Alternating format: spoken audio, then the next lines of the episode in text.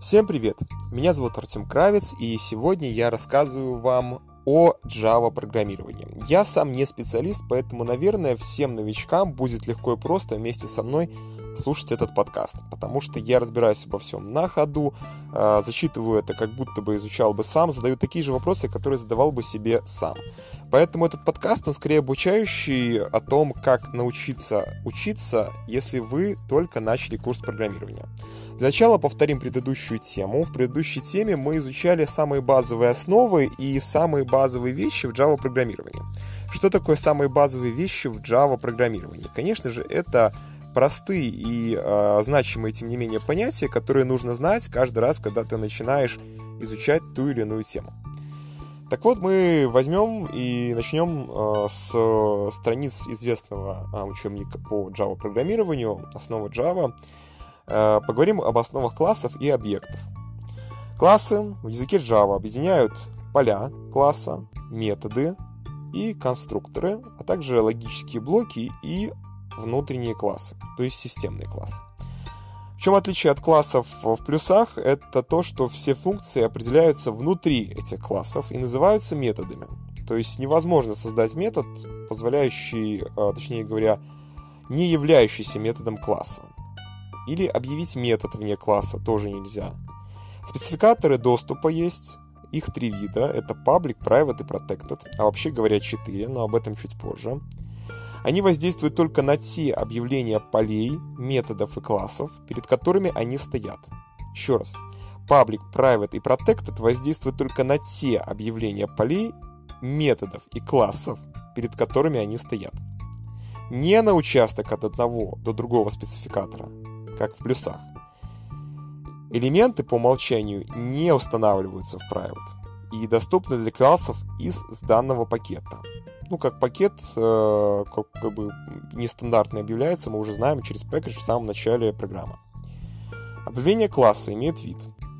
Э, спецификатор. Дальше ключевое слово класс. Потом имя класса. Опять же, ключевое слово extends и, собственно говоря, сам суперкласс в квадратных скобочках. Потом implements. Э, дальше список интерфейсов и фигурные скобки открываются, мы прописываем дальше определение класса. Спецификатор доступа к классу может быть паблик. Это класс доступа в данном пакете и вне пакета. Так? Final класс не может иметь подклассов. И абстракт класс может содержать абстрактные методы, объект которого, собственно говоря, объект такого класса создать нельзя. То есть в абстракте класс может содержать абстрактные методы, но объект э, такого класса ну, Нельзя создать абстрактный класс. Это очень важно знать и понимать, когда мы говорим о спецификаторах доступа к классу. По умолчанию, если спецификатор класса не задан, он устанавливается в дружественной как бы, в системе. То есть э, это такой friendly класс, спецификатор, точнее говоря, класса, если он не задан. Да? Такой класс доступен только в текущем пакете. Это понятно.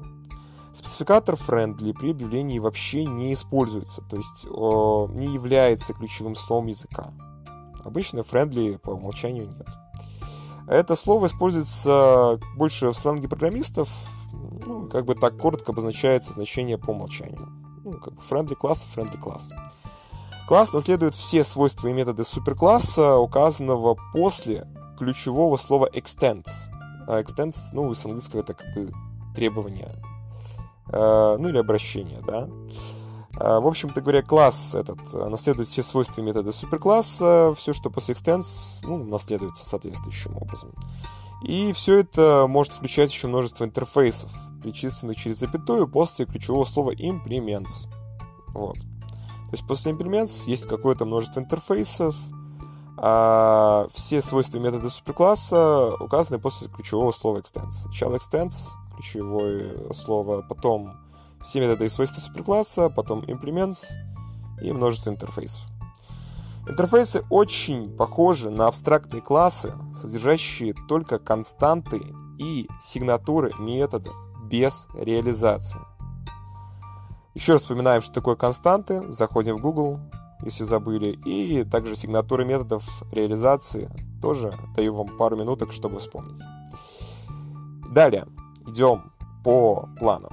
Все классы любого приложения условно разделяются на две группы. Классы носителей информации и классы, работающие с информацией. Надеюсь, это понятно. Классы, обладающие информацией, содержат данные о предметной области приложения. Что такое предметная область приложения? Пишите в комментариях ваши варианты. А, например, если приложение предназначено для управления, например, каким-нибудь воздушным движением, то предметной областью будут самолеты и пассажиры. А свои примеры, еще раз говорю, пишите в комментариях. Это просто пример из учебника. А, то есть у нас есть э, некоторые предложения для управления воздушными полетами. Ну, а, собственно говоря, предметная область его — это все объекты внутри него. Это самолеты, пассажиры и так далее. При проектировании классов информационных э, экспертов, к примеру, да, важна инкапсуляция, обеспечивающая значение полей классов, ну и корректность информации в них прописывается в этих полях классов. Ну, у класса, который мы рассмотрели ранее, да, э, который мы можем назвать, к примеру, одним образом, э, есть некоторое поле, и его значение в определенных условиях может быть положительным, если это числовое значение, и если мы зададим конкретные условия, не отрицательным.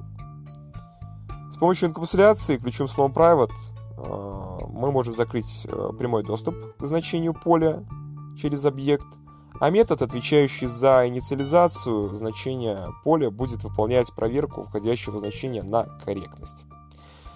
Это все, что мы должны помнить э, из основ классов и объектов Java, чтобы перейти к следующей части.